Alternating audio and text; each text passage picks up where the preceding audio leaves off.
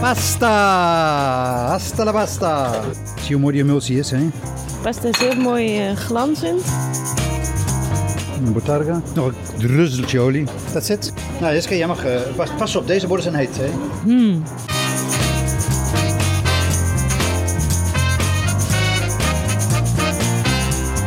Ik ben Hiske, bienvenuti al chef. In deze super lekkere podcast ga ik uitgebreid in gesprek met de beste en meest invloedrijke Amsterdamse chefkoks.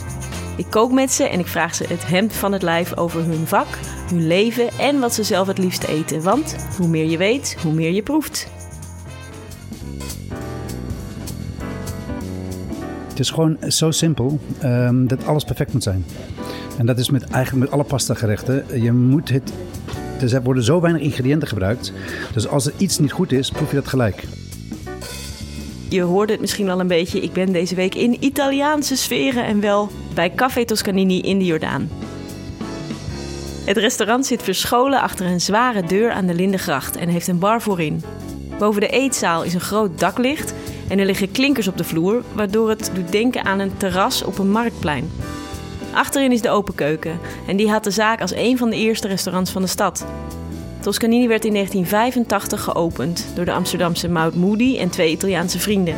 En Maud is nog steeds een van de drie eigenaren.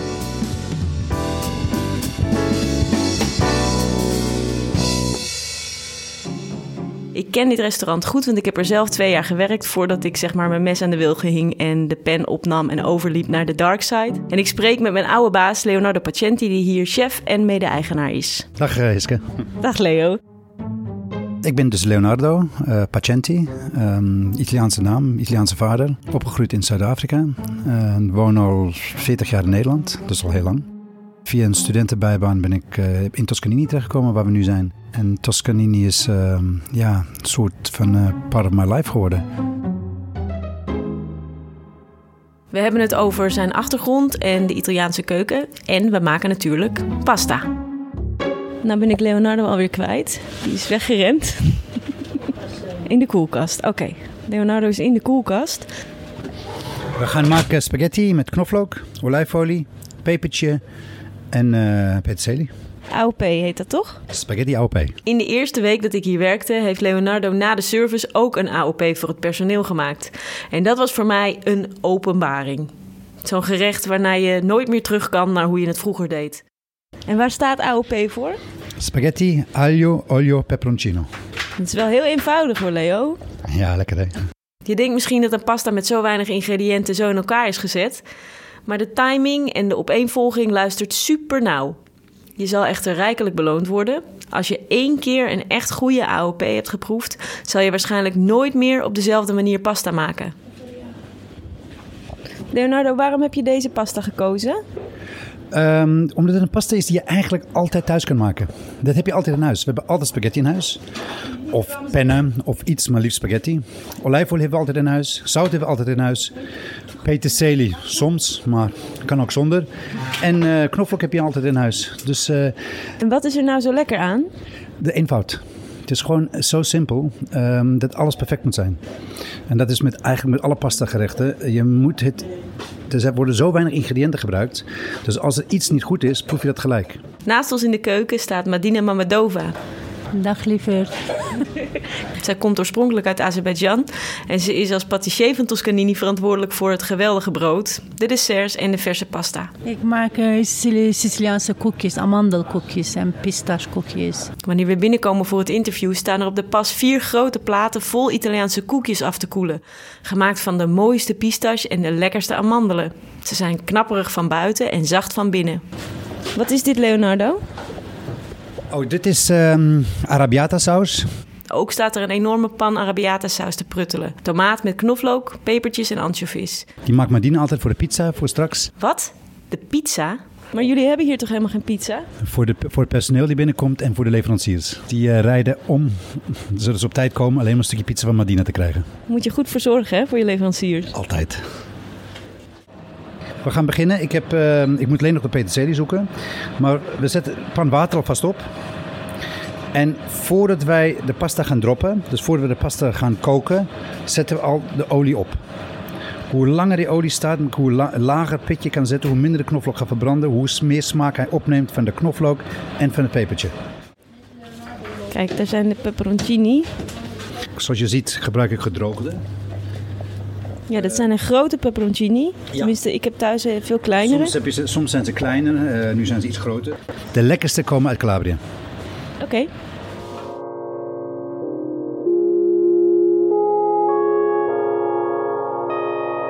Hebben jullie, want je bent opgegroeid dus in Zuid-Afrika, heb je daar, uh, zat je in een soort van Italiaanse community daar ook? Of ook in Zuid-Afrika? Ja.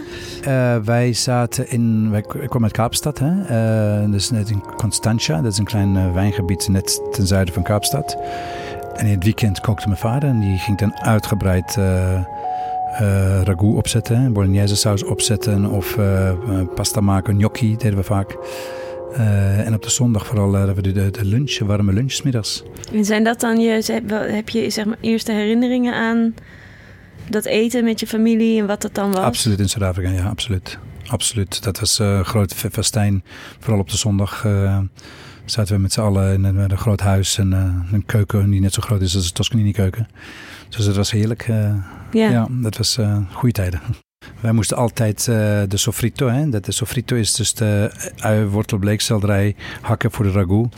Dat deden we met een mezzaluna. Dat is uh, zo'n halve maan met twee van die uh, handvaatjes erop. Zo'n wiegmes. Zo'n wiegmes. Ja. En dan moesten wij heel fijn de, de sofrito maken. Nou ja, dat ging dus in de grote pan. En dan moesten we de vlees snijden. En dan moesten we vader helpen. Mijn vader gebruikte nooit gehakt voor de ragout, maar alleen kleine stukjes vlees. Nou, dat zijn dingen die ik hier nog steeds uh, gebruiken. Nog steeds uh, hak ik met de mezzaluna en nog steeds snij ik met de, met de mes het vlees, vlees fijn. Leonardo werd geboren in Zuid-Afrika uit een Nederlandse moeder en een Italiaanse vader. Als kind verhuisde hij hier naartoe en hij studeerde werkdagbouwkunde. Op zoek naar een bijbaantje kwam hij begin jaren 90, de sporttas op de rug, Toscanini binnenlopen. Hij zou nooit meer weggaan. Wat was hetgene dan dat je hier uh, vond? Um, het klikte met Mout. Uh, de eerste dag dat zij buiten zaten te eten, personeelseten in, dat, in de gang voor, half op straat. Ik vond het er zo gezellig uitzien. Het was zo voor mij wat ik gewend ben, ook in Italië. En uh, wat je met families Want, doet. Hoe, hoe, was dat dan? Nou, dat je een grote tafel hebt uh, en dat er um, papieren tafelkleden en dat er um, fles huiswijn op tafel staat, water en een bord pasta met salades en wat, wat vlees of vis. En dat we met z'n allen daar zaten gezellig te lachen en te eten. En dat was voorbereiden op de avond die gaat komen. Heb jij eerder in andere Italiaanse restaurants gewerkt? Nee, dus dat was aanpoot in het begin. Zeker toen ik als student begon, werkte ik één dag per week. En dan kom je binnen en dan pak je de mise en place lijst. En dan ga je eerst kijken, moet ik desserts maken? Moet ik tiramisu maken? Want dat was de grootste ding wat tijd kostte. Was, was je minstens een half uur bezig. Ik heb halve voor de tiramisu. Ik moet de sardines schoonmaken. Ik moet de anchovies schoonmaken. Ik moet de lamstoontjes pellen. Ik moet de caponata maken. Ik moet de groenten wassen. Ik moet de aardappelen roosteren. Um, en zo ging het door. Ik moet slagroom kloppen, moet ik karamelsaus maken voor de tartufo. En zo ging het door. En zeker toen uh, een zeker meneer Johannes van Dam langskwam en die ons uh, tiramisu omschreven als de lekkerste ooit. Nou, toen kon ik die man wel vervloeken. Want uh, toen moesten we niet om de dag tiramisu maken, maar we moesten twee keer per dag tiramisu maken.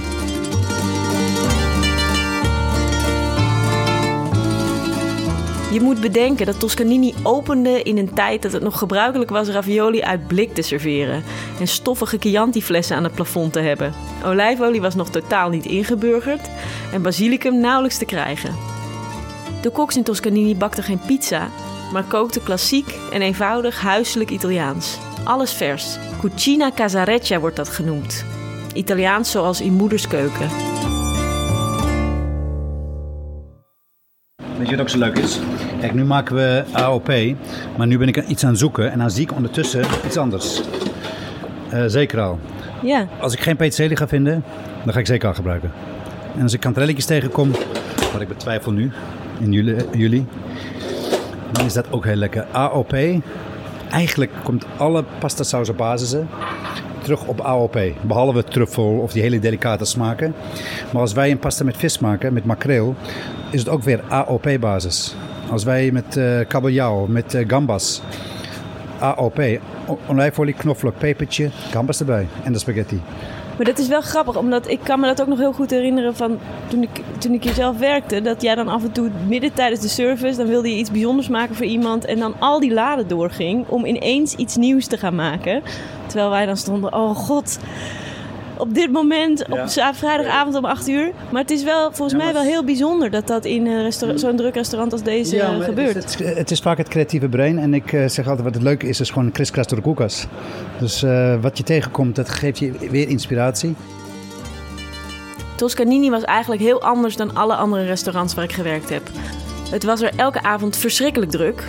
De grote zaak zit eigenlijk al 32 jaar elke avond vol. Ik kon echt het gevoel krijgen dat de avondservice als een soort goederentrein over de open keuken heen denderde. En tegelijkertijd was de sfeer onder de collega's heel familieachtig en relaxed. Wil je iets nieuws leren? Wil je iets proberen? Ga maar doen. Leuk. Maar je moet het snappen, hè? Kijk, ik snap de Italiaanse keuken. Je moet weten wat je wil, waar je naartoe wil. Ik weet waar mijn pasta gerecht zo meteen naartoe gaat.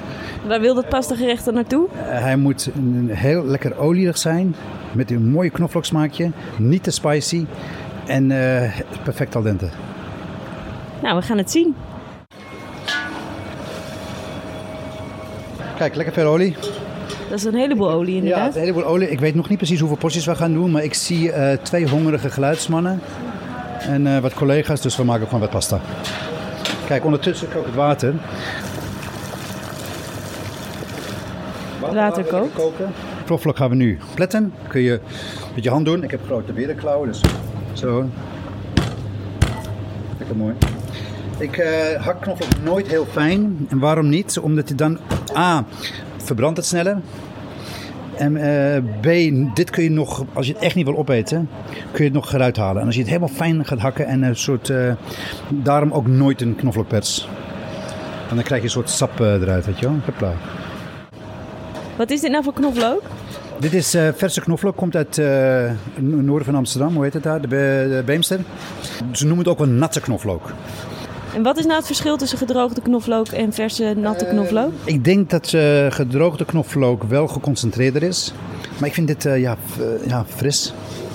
En er is nu natuurlijk hele mooie verse knoflook. Ja, dus daarom. Dus eh, dan gebruiken we dat toch. Ja. En dit komt uit Nederland. Nou, dit zijn drie teentjes. Oh, lekker veel, hè? Kijk, knoflook, eh, ja, het kan wel te veel worden hoor, maar meestal niet hoor. Kun jij iets vertellen over de Italiaanse keuken, hoe jullie die zien en over hoe strikt jullie zijn met de recepten bijvoorbeeld? Ja, zeker wel. Ehm, kijk, wij zijn, zitten in Nederland. Eh, we zijn niet in Italië, dus dat vooropgesteld. In Italië zie je dat de restaurants die aan, het kust, aan de kust zijn of in het binnenland totaal anders is. Zij gebruiken hun lokale producten. Ehm, als jij in het, eh, al is het 15 kilometer in de bergen zit, dan gaan zij geen vis serveren. En andersom ook. Dat gebeurt bij sommige restaurants uiteraard wel. Zo'n sterrenzaak of iets dergelijks die we van alles in huis hebben. Maar ik heb het over de regionale keukens. De, die gebruiken hun lokale eh, gerechtjes. Nou, dat kan ik natuurlijk heel moeilijk doen hier. Dus wat doe ik in Toscanini? Serveren wij ehm, gerechten zoveel mogelijk uit Nederland. Dus veel groente uit Nederland. Vis haal ik uit Nederland. Ja, en soms onder, kom je niet onderuit. Zoals die Portarga, die komt uit Italië. Parmezaan komt uit Italië, daar kan ik niet zoveel aan doen. Maar weet je wel, volop asperge tijd. Volop eh, als er uh, zeekraal uit de Waardenzee komt of iets dergelijks. Dat gebruiken we. Dus voor mij de Italiaanse keuken in Toscanini is ehm, lokale productjes. Maar wel altijd de traditie uit Italië respecteren. Maar het is dus zeg maar de opbouw van het menu en de opbouw van de gerechten proberen jullie Italiaans te houden. Ja. Maar de ingrediënten zijn de ingrediënten zoveel, zoveel, mogelijk, mogelijk Nederlands. ja. Nederlands, wat op zichzelf natuurlijk weer best wel Italiaans is om zo regionaal Ja, te eigenlijk wel, werken. ja, eigenlijk wel. Regionaal in Nederland, ja. Ja, ik weet zelf dat de Italianen nogal precies zijn op hun eh, gerechten. Tenminste, ik heb zelf wel een paar keer te maken gehad met Italianen die dan, eh, hoewel zeg maar ongeveer iedere moeder zo'n gerecht als caponata of zoiets Hm. weer verschillend maakt, toch zeggen: nee, het moet echt op die manier, het moet op die manier. Mm, bijna dogmatisch, zeg maar. Ja, Hebben jullie dat ook? ja eigenlijk wel. Kijk, ehm, je noemt wel caponata. Uh, ik, denk, ik weet niet of dat een goed voorbeeld is. Want caponata, ik weet niet, uh, je bent ongetwijfeld in Sicilië geweest. Maar er zijn heel veel wegen naar Rome. En er zijn heel veel caponades die naar Palermo gaan. Ja. Uh, dat is elk streek uh, is het anders. Ja, maar dat vond ik er juist zo grappig aan. Dat Ja. je het dus overal anders vindt. Juist. Maar als je dan En- zegt van ik maak het met kappertjes. Bijvoorbeeld ik heb die situatie een keer gehad dat ik tegen iemand zei. Nee, dat maak ik. Dat heb ik hier geleerd maken natuurlijk. Ja. Caponata. Dus ik voelde me ook best wel gewoon dat ik kon, kon zeggen hoe ik het maakte. En dat ik zei er zitten Ja. kappertjes in. En dat ze zeiden nee mamma mia kappertjes. Nee natuurlijk niet. Nee, weet je, het is. eh, eh, kijk, ik, eh, als ik het niet weet, dan gebruik ik gewoon mijn gezond verstand. Wat komt er uit Sicilië? Nou, dat zijn aubergines, dat zijn kappertjes, dat zijn anchovies, dat zijn amandelen. Eh, hè? Al dat soort dingen die komen uit Sicilië. Dus je kunt niet gaan zeggen van nee, dat kan niet. Nee, dat kan niet in die familie. Omdat ze of geen kappertjes kunnen veroorloven. Want dat zijn vaak de argumenten die gebruikt worden voor gerechten. Hè? Zoals daarom zeggen ze ook sommige caponatas zijn eh caponata povera. Of de caponata voor de hè, welgestelden. Waar ze vis in doen. En sommige mensen, vooral in het Zuid-Italië, hadden ze geen geld voor vis of vlees. Tegenwoordig is alles anders geworden hoor. Maar we hebben het over vroeger. Daarom zie je ook in de Italiaanse keuken eh, ravioli. Dat is allemaal uit Noord-Italië. Waarom? Omdat het pasta is met eieren. In het zuiden gebruiken ze geen eieren, dat is veel te duur. En je ziet ook in het zuiden van Italië zie je ook veel minder vis- en vleesgerechten met de pasta. Het komt allemaal uit het rijke noorden.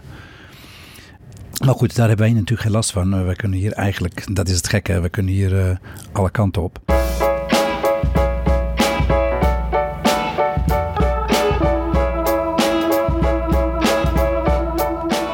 De peterselie is nog niet gevonden. Hier zie je dus, hier heb ik net, eh, de visboer is net langs geweest. Hier ligt calamari. En nu zit ik te denken, we kunnen ook die AOP doen met calamari erbij. Perfect match hoor. Ik vind alles goed, Leo. Dat, dat doen, nee, dat vind ik leuk. Calamari ligt hier, dat doen we erbij. Oké, die ligt ons te roepen hier. eh, Een grote gastronoombak met schoongemaakte inktvis.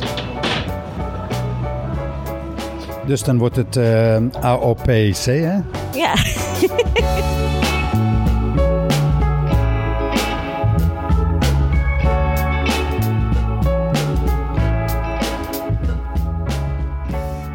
Je hebt vrijheid om te experimenteren, zoals we ook net hebben gedaan. Ja. Maar het moet wel een zekere logica hebben. Ja.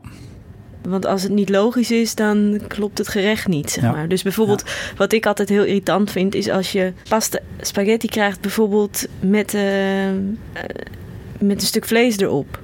Wat op zich aan de ene kant niet, niet Italiaans is, maar het is ook onlogisch, want je kunt niet eten met alleen een vork. Dus dat maakt, het, dat maakt dat het niet klopt. Ook al, ook al is het ook, maakt, maakt dan niet eens zo heel erg veel uit of het wel of niet in Italië Hmm. zo wordt gedaan. Maar dat, dit is gewoon geen logisch gerecht. Nee, het is geen logische. Ik heb hier een keer in, in Amsterdam heb ik eh, tortellini met een stuk zwaardvis, gegrilde zwaardvis erbovenop. Ja. Ja, ik, wat wil je? Wat, wat, wat gaat in je hoofd om, weet je? Het is, eh, kijk, ehm, eh, weet je, het gekke is, misschien eh, als ik Indisch ga koken of Thais ga koken, maak ik diezelfde fouten. Omdat ik niet genoeg kennis heb van wat ik aan het doen ben. Nou, ik zeg altijd, de Italiaanse keuken is de simpelste keuken die er is. Waarom is het zo simpel? Omdat je zo weinig ingrediënten gebruikt. Bijvoorbeeld voor een pasta. Alles moet perfect zijn. Hè? Alle ingrediënten moeten kloppen. Eh, het kan niet te peperig zijn. Het kan niet te olierig zijn. Het kan niet te, eh, te zwaar zijn. Het moet passen bij de volgende gerecht dat komt. Het, het moet in balans zijn. Het moet een prikkel zijn. Het moet jou... Ja, ik noem het pasta teasing, weet je wel. Je moet... Weer soms hebben we dat krijgen. hoor. Eigenlijk, ik wil het nog een keer. Ja. het afgelopen vrijdag. Een man die bestelt eh, spaghetti met... wat is het nou? Met, met kalfsvleessaus. Die vond het zo lekker. Die heeft het nog een keer besteld. Ik heb ook hier wel een keer een pasta twee keer besteld. dat is gewoon een heel groot compliment. Maar daar moet je, je bent op zoek naar balans. En ik word soms gek van, ook hier ook, van koks. Die dan eh, denken, eh, more is better, weet je wel. Dan maken er zo'n hele grote berg pasta van. En die, die hebben daarvoor antipasta muso gehad. Daarna gaan ze nog een uh, côte buff eten of iets dergelijks. Ik zeg, die mensen worden gek man. Dat, dat, dat is toch niet subtiel? Juist, uh, uh, heel veel mensen zeggen ook, ik eet geen pasta omdat het te vullend is of iets dergelijks. Ja, dan geef ik gewoon, weet je wel, twee vorkjes. De dagelijkse leiding is in handen van Flavio Carestia, dus Leonardo staat al lang niet meer alle dagen zelf achter de pannen. Maar vertelt hij, zijn taak is vooral om de koers van de keuken in de gaten te houden. Ik vind koken eh, nog steeds heel leuk. Eh, maar ik vind het ook heel leuk om aan de andere kant te staan. En dat ik daar naar de gasten toe ga. En eh, weet je ik weet wat zij willen eten. Ik weet wat, waar ik ze mee kan plezieren, blij mee maken. En heel vaak hebben zij een rotweek gehad. En dan zeggen ze wel, ik ben blij dat ik nu in Toscane ben. En dan neem ik het uit hun handen, weet je. Dan ga ik het eh, met hun bespreken. En, eh, ik weet van bijna alle vaste gasten wat ze wel willen en wat ze niet willen. Ja. Dus dat is heel leuk.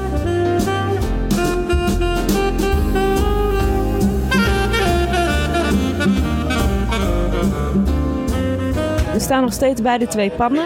De pan met water staat eh, te borrelen. De pan met knoflook die staat ook nog lekker een heel klein beetje te bruisen. En Niet heet. Hè? Als ik het heet ga doen, gaat hij walmen, wordt hij bruin, wordt hij niet gaar. Ik wil echt dat dit gaar worden. Dit gaan we royaal zoutje doen. Altijd als ik pasta maak met, bij vrienden thuis, schrikken ze van de hoeveelheid zout. Het is niet veel. Het is gewoon normaal. hoeveel moet er dan in? Eh, dit is een pan van denk ik eh 4 liter. Dan gaan we gewoon, nou twee eetlepels zeker wel hoor. Kleine reepjes. Nou, calamari is eh, of heel lang of super kort. Dan gaan die er dan als allerlaatste bij straks? Ja, allerlaatste bij. Ik wil eerst die knoflook helemaal mooi hebben. Ik, eigenlijk wat ik nu wil doen is die, eh, die basis, zoals ik het neem, die AOP-basis al klaar hebben. Killing met pasta maken is als de pasta klaar is en mijn saus is niet klaar. Met zichtbare ontzetting vertelt Leonardo het verhaal over die van God verlaten dag dat hij bij vrienden thuis zou koken, maar vast stond op de ring. Ik was een beetje verlaat. En eh, zij zeiden, nou dan droppen wij vast de pasta. Terwijl de saus nog niet klaar was, mensen. Een doodzonde. Ik zei, je maakt een grapje hè. Weet je wat? Dat was een grapje. Ze hadden de pasta al gedropt. Ja, En eh, hoe is het afgelopen? Ja, dan wordt een soort noedel-idee, weet je wel. Noedels doe je dat. Maar met pasta is dat, eh, weet je, je haalt die bijt eruit. Je haalt het, eh, dat glans eruit. En dat is gewoon een eeuwig zonde. Dus dat gaan we niet doen.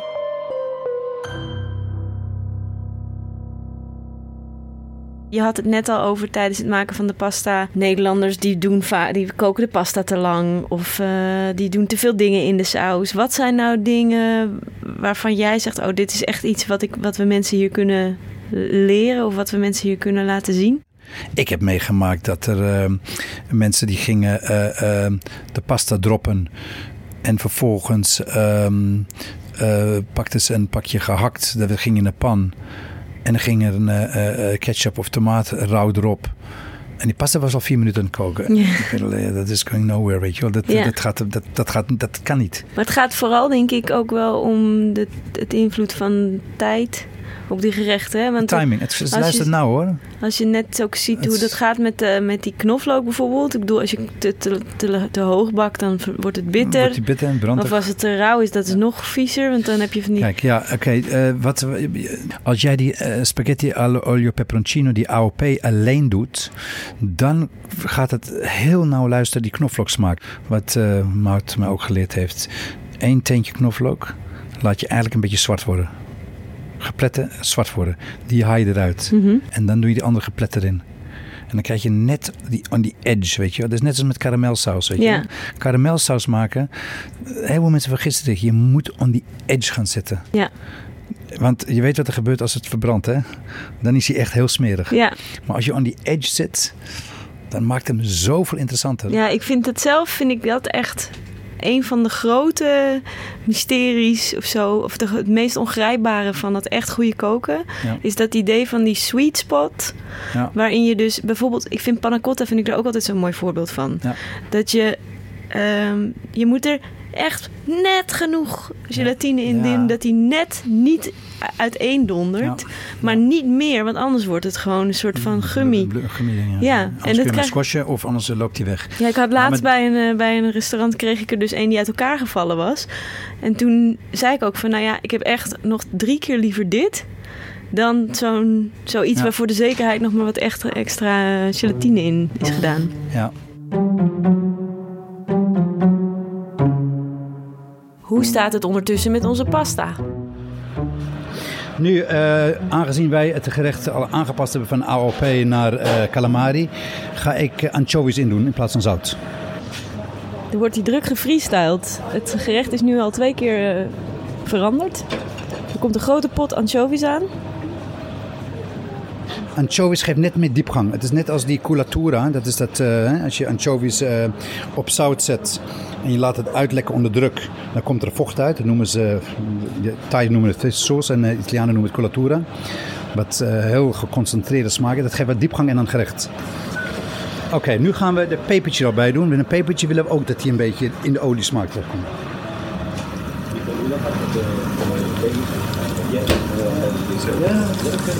Hij begint echt een kleurtje te krijgen. Nu ga ik ook de anchovies bij doen en die lossen dan op. Ik zou ook een tomaatje bij kunnen doen. Of een olijfje. Of een kappertje. Of een courgettebloem. Maar wat kies je, op basis waarvan kies je dan? Uh, availability, wat, wat ik in de koekers ben tegengekomen. Kijk, als je geen calamari in huis hebt, kun je het ook doen met uh, makreelfilets, een stukje zeebaars, gambas. Heerlijk met gambas. Nu gambas hierbij doen. Kreeft, langoustines, wongelen, kokkels, mosselen. Allemaal op deze manier, hè? Allemaal op die manier. Het is allemaal hetzelfde. Zolang je maar echt een flinke plens olie gebruikt. Half kopje olie, hè? En eh, nogmaals, als het te veel olie is, je hoeft niet alles op te scheppen. Halen we de pasta erin, scheppen de pasta op een schaal en zetten de pan op tafel. Want dan kun je nog lekker met je brood erin dompen. Kijk, de anchovy gaat bijna gelijk oplossen. Het ruikt echt heel lekker. Ik vind die geur van uh, gebakken knoflook, dit is zo een beetje, klein beetje broodachtig en een beetje, het is ook weer zo anders dan rauwe knoflook. Ja. Dus je hebt flink wat zout in het kookwater gedaan. Twee eetlepels. En nu gaat de pasta in de Pasta, pan. eh, dit, wordt, eh, dit is 2 ons, we gaan 2,5 ons doen. Oké. Nu gaat eh, de inktvis in de pan. Ruik je het al? De vis, nu de calamari lucht komt er nu uit. Oh, dit. Oh. Kijk, de peterselie ga ik er nu nog niet bij doen. Maar die gaat dan eh, frituren, branden, weet je. Want we zijn niet fancy. We willen peterselie, we willen echt een klein beetje voor de smaak op het laatst. Leonardo is de anchovies een beetje aan het prakken in de olie. En dat gaat nu allemaal mooi door elkaar heen. Ja, we willen niet stukjes anchovies erin hebben, hè. We gaan even checken. Hij is al zout genoeg. Alleen van de anchovies. Oké, we gaan de rest van de calamari bij doen.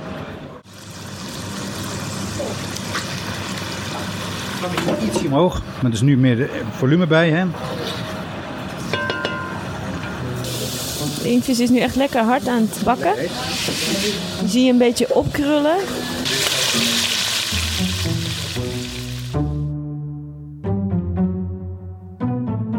Kun je iets vertellen over eh, andere restaurants die je bewondert? Of over andere restaurants waar je naartoe bent geweest en die een indruk op je hebben gemaakt? Jawel, zeker wel. Um, er zijn uh, waar ik restaurants die ik bewonder. Kijk, uh, ik ben natuurlijk ook uh, bij Serge Herman geweest en ik had een grote bewondering voor, hè, wat ook bij de Jane, wat er allemaal gebeurt. Uh, mij wordt dan ook altijd heel duidelijk: this is not my cup of tea. En wat ik ermee bedoel is: ik heb daar zoveel bewondering voor. Ik vind het zo razend knap. Maar ik kan.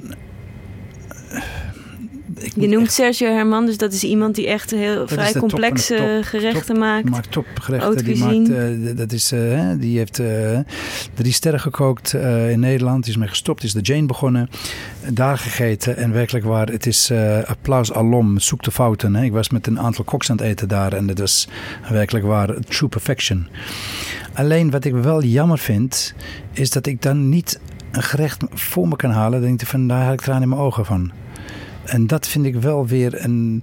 En wat is, zo'n, wat is dan bijvoorbeeld een gerecht waar je tranen van in je ogen krijgt? Een, een, een uh, goed bord gefrituurde vis met een groene salade en een fijn glas rosé in, uh, in de haven van Nice. dan krijg ik uh, dan ik daar, fiets ik voor om, ja. Maar dan gaat het dus ook om, om de setting? Om de setting, maar ook uh, hier hoor. Uh, ik bedoel, uh, calamari tot, die tot perfectie zijn gefrituurd. Ik vind calamari, vind ik een...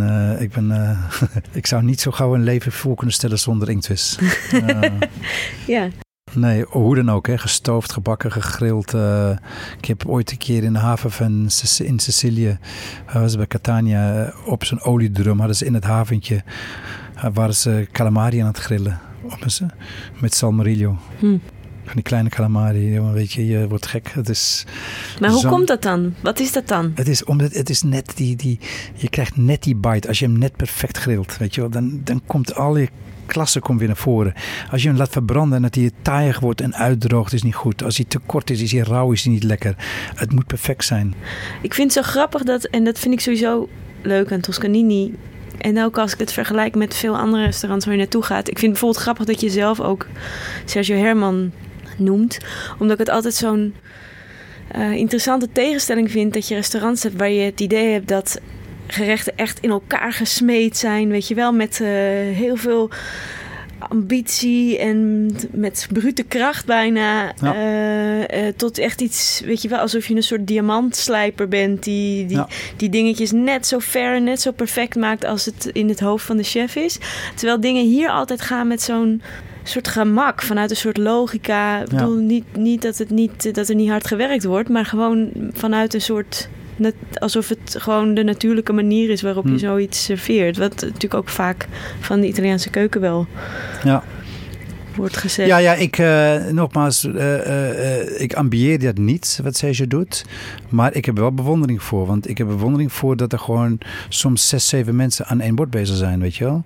Weliswaar in een, in een lijn, dus ze doen het achter elkaar. Maar ik denk gelijk van, ja, maar dat gerechtje is dan toch al koud. Of dat, dat, ik denk dan praktisch. En, en ehm, ja, eh, het, het, het werkt, het, het, het gaat. En het is... ehm, Nee, maar goed, je herkent zelf toch ook wel dat het een heel andere manier is dan hoe het hier ja. gebeurt. Ja. Kijk, dat was ook een, eh, een, niet een kritiekpuntje, maar een, een ding van... als het ene dingetje niet helemaal lekker is, is het andere compenseert het. Of dat wauw-gehalte, weet je wel, dan eh, heb je al van... eh, dit ga ik niet, niet lekker vinden. Dat ziet er zo mooi uit, hè. En, dit Mm. en, dat.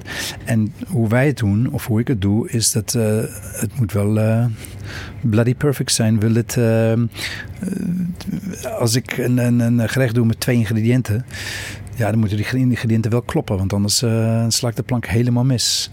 Als ik daar een, eh, een taaie calamari in eh, doe, of een uh, artichok die eh, of een asperge die nergens naar smaakt, ja, dan, dan heeft het geen zin om het te doen. En dat is dus ook bijvoorbeeld iets wat heel moeilijk is om over te brengen naar koks. Hè? Want heel veel koks die hebben natuurlijk elders gewerkt en die hebben uh, wezen met de pincet en dit en dat. En, uh, en dan doen we bijvoorbeeld uh, rauw vis. En die vis hebben we al geproefd. Die is eigenlijk perfect. Dus dan doen we een beetje zeezout op. En uh, soms een paar drupjes olie en een blaadje peterselie of een vinaigretje. Niet altijd, maar soms wel. En dan zie ze gelijk als ze willen dit en dit bij doen. Ik zeg, ja, maar... Laat maar, de, hij is oké okay zo. Hij vindt, het, uh, hij vindt het heel lekker. Uh, met rust laten. Met ja. rust laten. En dan begrijpen mensen dat niet. Totdat je het op een bord zit en jij hier komt eten. En dan zie je van, oh ja, ik heb dat, dat, dat, dat is een uh, restaurant in Ledune, in Friuli, uh, Noordoost-Italië. Dat is een restaurant op een, uh, weet je wel, je kent zo'n Frans dorpje wel, uh, straat en gebouwen naast die straat. No Romance, nou dat heb je in Italië ook. Mm -hmm. Nou, hier zit één zo'n restaurant Ledune. En binnen zit je, en dat is uh, heel zakelijk, uh, weliswaar. Maar de ene naar de andere rauwe vis. En elke keer is het citroen, olijfolie. Maar jongens, het is, alles is gewoon zo perfect. De perfecte zeebaas, de perfecte langoustine, de perfecte coquille, alles. En dan, en dan de entourage met een mooi glas wijn. Mm. Weet je, die balans, dat is, daar is over nagedacht. Weet je, en dan, dan kun je dat doen. En zo doet, ook, uh, en zo doet iedereen zijn stijl. Ja. En, uh, zo hebben wij ons stijl.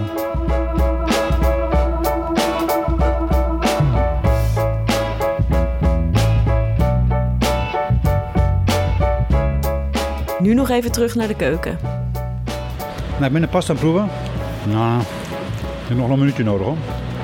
Komt dat, kun je, er zit nog zo'n wit puntje in. Ja, een wit puntje, maar ik, wat ik niet wil hebben is als ik op het wit puntje bijt, dat mijn kies op elkaar blijven. Maar ik wil ook niet meer dat die korrelig is. Je kunt het ook vaak zien aan de krul, hè? Leonardo houdt nu de pasta dus omhoog met een uh, knijper. Ja. En je kunt dus zien aan de manier waarop die pasta buigt, hoe gaar die is. Hier, nog, hier, hier zit nog een beetje spanning op.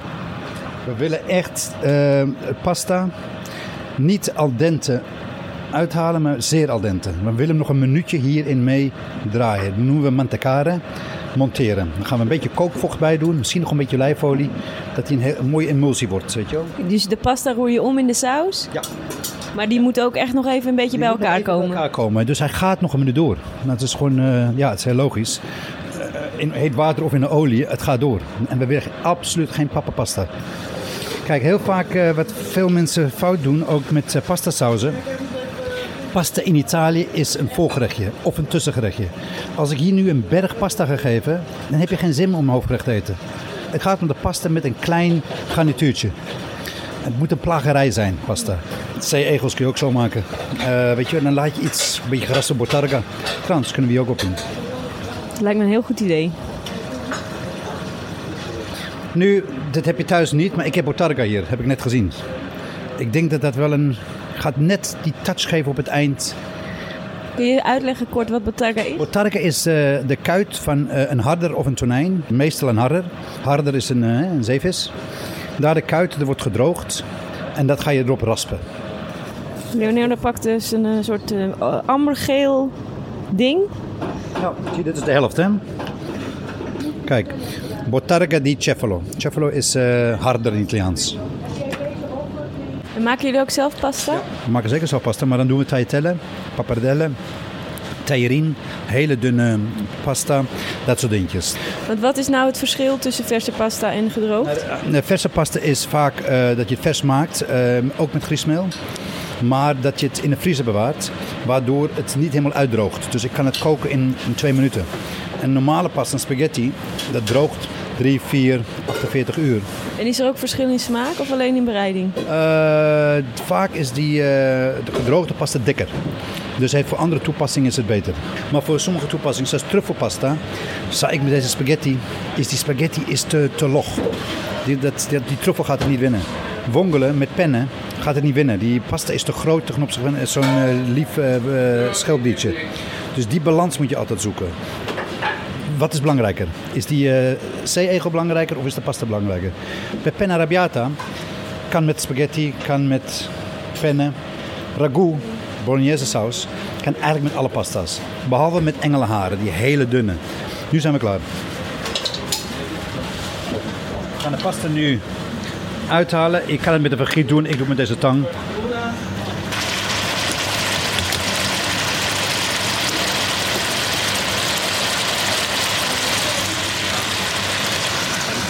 Let op, pasta vocht nu, nu niet weggooien. Als je een vergiet gebruikt, neem dan een kopje eruit. Je hoort het een gesis. We gaan de pasta draaien, draaien, draaien, draaien. Waarom, waarom zie je nou dat er kookvocht bij moet? Nou, hij is een klein beetje droog. Zie je, alle olie weg is? Je hebt over zoveel olie, hè? het is allemaal weg. We gaan een klein beetje om iets smeugen te maken. Ietsje smeugen. En wat is nou het voordeel van kookvocht boven gewoon water? Nou, hier zit al uh, de, de, de zetmeel van de pasta. Dus uh, weet je, alles zit er al nog een beetje in. En het is, anders wordt het zo'n klinisch ding. Ja, ik heb het uiteindelijk daarin gekookt. Zie, zie, zie die emulsie daar? Dan mag er nog een klein beetje... Toch nog olie bij. Wat is dit nou voor olie? Dit is olie die eigenlijk... Um, uh, een nog hogere kwaliteit is dan die vorige. Die vorige heb ik verhit. Olie boven 90 graden gaat de smaak een beetje verliezen. Niet zijn vettigheid, maar wel zijn uh, fruitige smaak. En deze olie heeft nog mooie fruit, dus van de nieuwe oogst. En uh, dat geeft weer net wat frisjaatje aan. Hier had ik ook prima nog een beetje citroenzest bij kunnen doen. Maar dan gaan we echt een ingewikkeld gerechtje maken. We willen het simpel houden. Misschien kan ik dat nog doen hoor. Toch moet er een beetje zout bij. En let op, die botarg is ook redelijk zout. Zijn er nou, want jullie bestaan nu 30 jaar? 32, 32 jaar. 32 jaar. Wat zijn uh, de plannen voor de toekomst? Zijn jullie niet bang dat het gaat inslapen? Inslapen, zolang wij bij de les blijven, niet. Nee, wij zijn echt ook, ook zeker actief. Ik ben actief, Flavio, mijn chef, is actief. We kijken rond, uh, ook zijn we, staan we op de kaart bij uh, veel leveranciers. Dus die willen vaak nieuwe producten uh, leveren. We zijn voor veel uh, bedrijven, Nederlandse bedrijven, die Italiaanse producten bijvoorbeeld verkopen, zijn wij de, hoe zeg je dat, pionier geweest. Dus als eerste hebben we het ons aangeboden. We willen niet dat is, en dat, dat is weer het verdienste van Mout, mijn, de oprichter van Toscanini. Dat zij ook ziet, zij eet ook vaak bij de deur en je ziet heel veel trends. En zij wil niet dat wij met alle trends gewoon meegaan, weet je wel. Want trends is een trend, het komt en het gaat. En wij komen alleen maar. Eh, we willen niet, eh, dus wat, wat wij doen is klassiek. Soms, hè, ik ben best wel, beschouw mezelf best wel als een conservatief, conservatieve kok. Ik ben niet zo van het eh, super experimenteren. Ik zie geen kiddes hier, geen Nee, nee, nee, waterbakken. Nee, dat soort dingen, weet je wel. Dat, ik ben nog wel van de oude stempel. Ik wil nog wel op de ouderwetse manier. En dat weet Flavio. En Flavio die heeft heel veel ruimte. Maar ja, ik zie hem van de week ook weer een uh, maken met truffel. Eh, toen dacht ik van oké, oké. Maar ja, het, het klopte wel hoor. Dus dat, is, dat, dat, dat, dat, zijn dingetjes. Of met tuinbonen.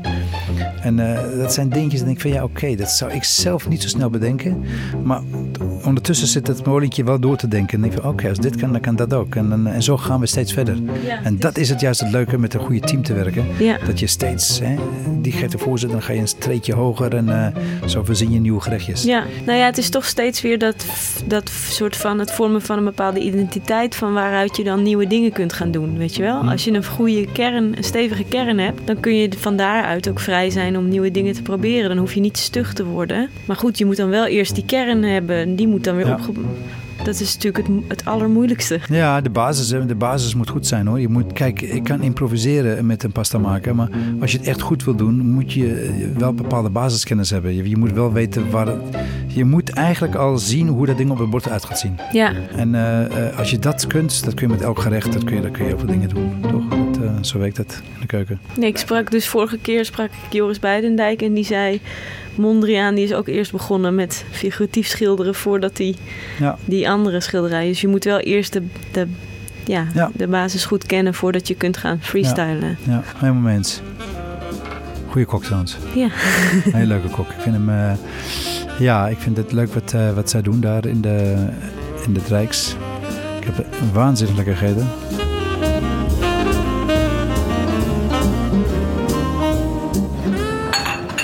Pasta is klaar, die zit in de pan. De borden komen nu uit de oven. Oké. De pasta is heel mooi eh, glanzend. Inderdaad, het sausje is een beetje een soort van emulsie geworden. Die, van dus die olie met dat kookvocht. Nou, een beetje verdelen heers. Hè?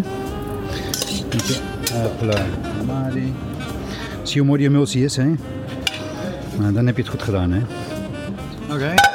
Finishing touch. Een botarga.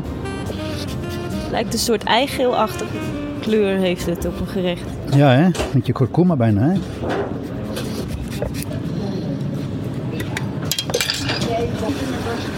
Oké, en het laatste nog een druzzeltje olie. Klein beetje hoor. Wat doet die olie nou allemaal binnen dit gerecht? Want dat lijkt wel het, meest, het, het belangrijkste onderdeel. Ja, hij geeft weer net wat, wat ik al zei, een beetje frisheid. Beetje frisheid weer, hè? Rauwe olie. Dat zit. Oké, Pas je wijn eigenlijk bij, hè? Oké, nou ga je vorken pakken. Ja. En we gaan proeven. Eh, Pasta! Hasta la pasta! Wie wil een pasta? Nou, Jeske, jij mag. eh, pas, pas op, deze borden zijn heet. Hè? ziet er heel mooi uit. Ja, pak maar jongens. Had Ja, dat is echt super lekker. bijgekund weer, hè? Maar ja, Ja. zo, dan blijf je bezig, hè? Ik vind juist dat hele rijke met die Ja. olie en die... eh, Calamari. en ook Maar die, nogmaals, je had, we hadden ook dus die calamari weg kunnen laten, alleen botarga. Ja. Maar dan had ik wel citroen bij gedaan. Ja, ja. Hmm. Lekker veel olie, eh, Leo. Jo, kom op hé. Ga niet als een Nederlander zeggen over olie. Helemaal niet. Jullie, dopen friet in, eh, eh, mayo- nee, friet in mayonaise. Super lekker. Eet het allemaal op. Mooi, mooi hè, de calamari, hoe kort dat gaat hè. Ja, dat kijk ik toch best wel precies, hè? Want als het een minuutje langer is, dan wordt Dan het een soort taaier, ja. schoenzool. Maar dan moet je hem doorstoven. Ja. Ook lekker hoor. Gestoofde uh, inktvis. Of in zijn eigen inkt. Of in tomaat. Grappig, want je, vraag, je vroeg net over uh, wat is jullie stijl nou eigenlijk? Ik heb uh, een van de meest gevraagde vragen van gasten hier is, notabene, de meeste van de jongens zijn reclamemakers, die uh, vragen van wat is er succes van jullie restaurant? En ik zei, dat gaan jullie mij vragen. Jullie zijn reclamemakers. Dat moeten jullie toch aan kunnen geven. En dan denk, zeg ik altijd van ja, het is toch altijd die combinatie van uh, ons personeel, de entourage, de, het gebouw waar we in zitten. En het eten natuurlijk. En dan daar een goede interactie tussen. En dat een hele goede melange van gemaakt. Ja, ja, mensen voelen wel dat het klopt of zo als ze Ja. binnenkomen. Ja.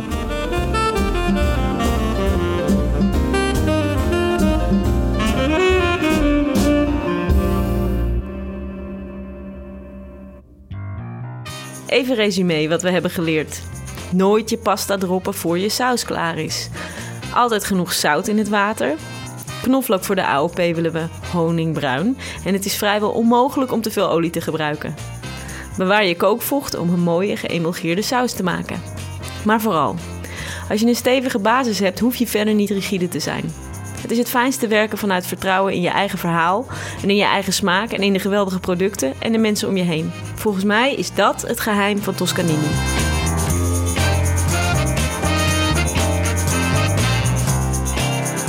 Dit was Chef. Over twee weken zijn we er weer. Dan ben ik op zoek bij Sydney Schutte van Librei Susje.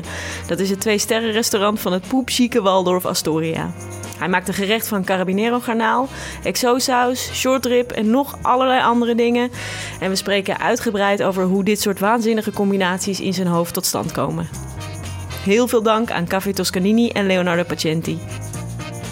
Deze podcast werd geproduceerd door Volkert Koelhoorn en Anne Janssens van Dag en Nacht Media. Momkai maakte het artwork en ik ben Hiske Versprillen. Chef is het platform waar we chefkoks aan het woord laten. Binnenkort hoor je meer over onze andere plannen. Heb je lekker geluisterd? Laat dan een review achter op iTunes, Stitcher of waar je je podcast dan ook vandaan haalt. Je kunt me ook een bericht sturen op hiskeversprillen.gmail.com. Onze website is chef.amsterdam. Voor nog meer leuke podcasts, check dagennacht.nl. Tot de volgende keer.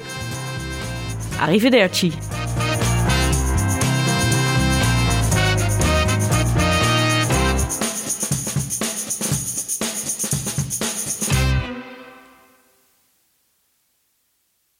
Wie is Arie Verdecci? Ja, dat is mijn neef.